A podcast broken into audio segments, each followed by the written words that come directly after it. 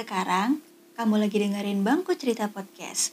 Mau jadi podcaster kayak kita? Just download aja aplikasi Anchor untuk memulai mimpi kalian menjadi podcaster terbaik. Di sana kamu bisa merekam, mengedit, memberi efek suaramu agar nyaman didengar, dan gratis loh. Tunggu apa lagi? Buruan download ya.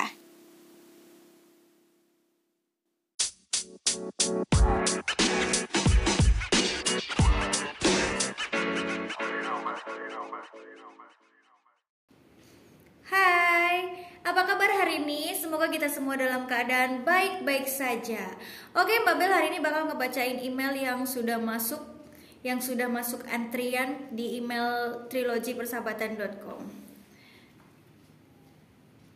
Hai Kak, aku sudah mendengar podcast kakak yang temanya boneka orang tua.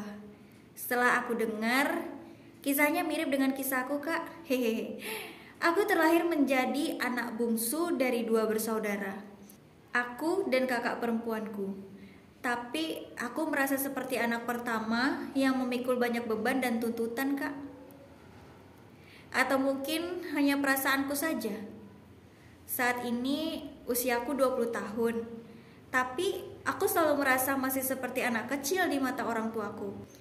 Dan aku juga selalu dituntut ini itu harus mengikuti kemauan mereka, dan aku dianggap anak yang tidak mau diatur oleh ayahku.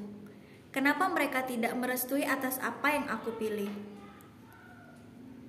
Jadi kak, eh, aku di sini mau berbagi ceritaku kak, supaya nggak jadi beban juga buat aku. Soalnya aku juga nggak tahu mau cerita ke siapa aku juga nggak mau ngebebanin kakakku yang sudah menikah sedangkan dia sendiri udah ruwet dengan kehidupannya. Gini kak. Aku resign kerja dari tempat lamaku karena aku sering nombok. Padahal aku sudah hitung uang itu dengan pas. Tapi saat giliran temanku yang jaga dia bilang uangnya kurang. Jadinya aku resign. Karena ini nggak sekali dua kali kak. Aku juga resign mendadak dan aku juga gak kasih tahu alasanku resign dengan bos.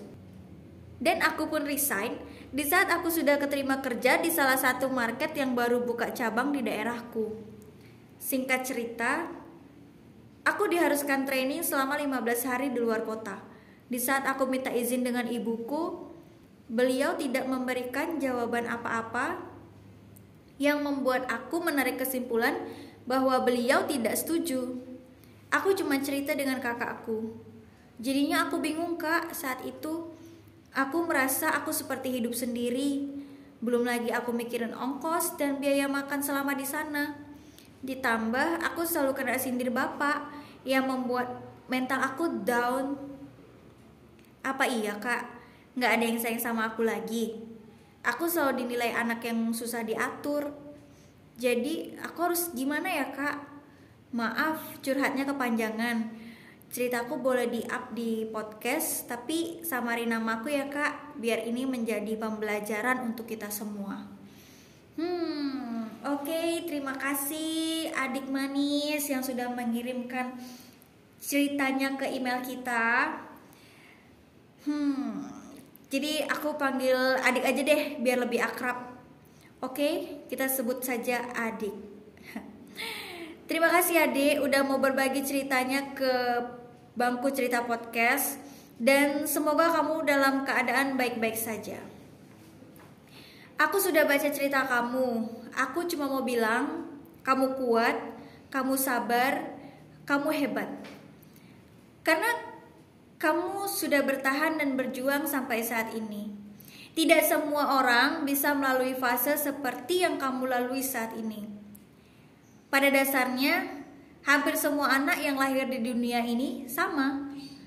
Yang membedakannya adalah kita terlahir dari tipikal orang tua yang seperti apa. Entah itu orang tua yang galak kah, atau disiplin kah, tegas kah, pasti masing-masing orang tua memiliki pembawaannya masing-masing. Nah, kalau dari cerita kamu ini, orang tua kamu memiliki tingkat kekhawatiran yang terlalu tinggi terhadap anaknya. Dan juga mereka adalah orang tua yang terlahir di zaman dulu. Di mana zaman dulu itu, maaf ya, pemikirannya masih kudet. Jadi mereka mendidik anak itu seperti mereka dulu dididik oleh kakek nenek kita dulu.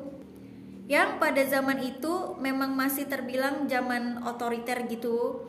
Dan sebagai anak seperti susah untuk berpendapat atau bahkan susah untuk memilih jalan hidup sendiri. Makanya zaman dulu terkenal dengan zaman Siti Nurbaya yang notabene masih menjodohkan anak-anaknya. Ya, kira-kira seperti itulah. Pada zaman itu ya si anak rata-rata semua penurut. Disuruh ini ikut, disuruh itu juga ikut. Itu adalah hal terbaik versi orang tua zaman dulu.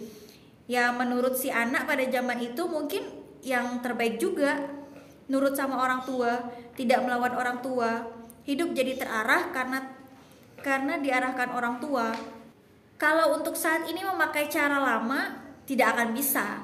Tidak akan berlaku dan si anak pasti memberontak. Karena anak zaman sekarang terlahir di zaman milenial dan demokrasi, di mana setiap orang berhak untuk berpendapat. Buat adik, kamu jangan membebani pikiran kamu dengan hal-hal yang di luar nalar. Jangan mengambil kesimpulan secara sepihak. Untuk kamu ketahui, sebenarnya orang tua itu sayang sama anaknya. Mereka hanya terlalu khawatir sama kamu. Cara menyampaikan rasa sayangnya ke kamu saja yang tidak tepat. Karena kamu mungkin tidak pernah jauh dari orang tua dan kamu ini anak perempuan. Jadi mereka khawatir akan terjadi sesuatu dengan kamu. Satu hal yang harus kamu tahu menjaga marwah anak perempuan itu sulit. Sekali rusak, nama orang tuamu pun otomatis akan rusak. Kakak yakin, lama-kelamaan mereka akan setuju dengan jalan yang kamu pilih, jalan yang kamu ambil. Mereka hanya perlu waktu untuk berpikir, tapi lama-kelamaan pasti mereka akan mengizinkanmu.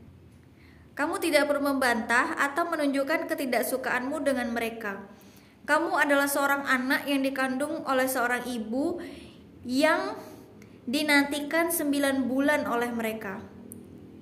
Hanya saja cara mereka yang kurang tepat saat menunjukkan sayangnya ke kamu. Mereka seperti itu karena mereka mau kamu seperti apa yang mereka harapkan dan mereka bayangkan. Walaupun sebenarnya ini sudah beda zaman. Tapi percayalah, sebenarnya orang tua mendukung atas apa yang kamu pilih. Hanya saja cara penyampaiannya tidak pas di hati kamu. Jika mereka menyampaikan hal-hal yang menurut kamu tidak pas, kamu dengarkan saja, jangan masukkan ke hati. Buktikan ke mereka kalau kamu bisa, kamu kuat, kamu hebat. Buktikan kalau kamu bisa sukses dengan jalan yang kamu pilih. Satu lagi, mau sedewasa apa pun kita, umur setua apa pun kita, kita akan selalu dipandang anak kecil oleh orang tua kita. Tetap semangat, jangan menyerah, jaga kesehatan, jangan overthinking. Kamu hebat, kamu sudah menjadi anak terbaik dari versi kamu sendiri. Oke? Okay? Bye.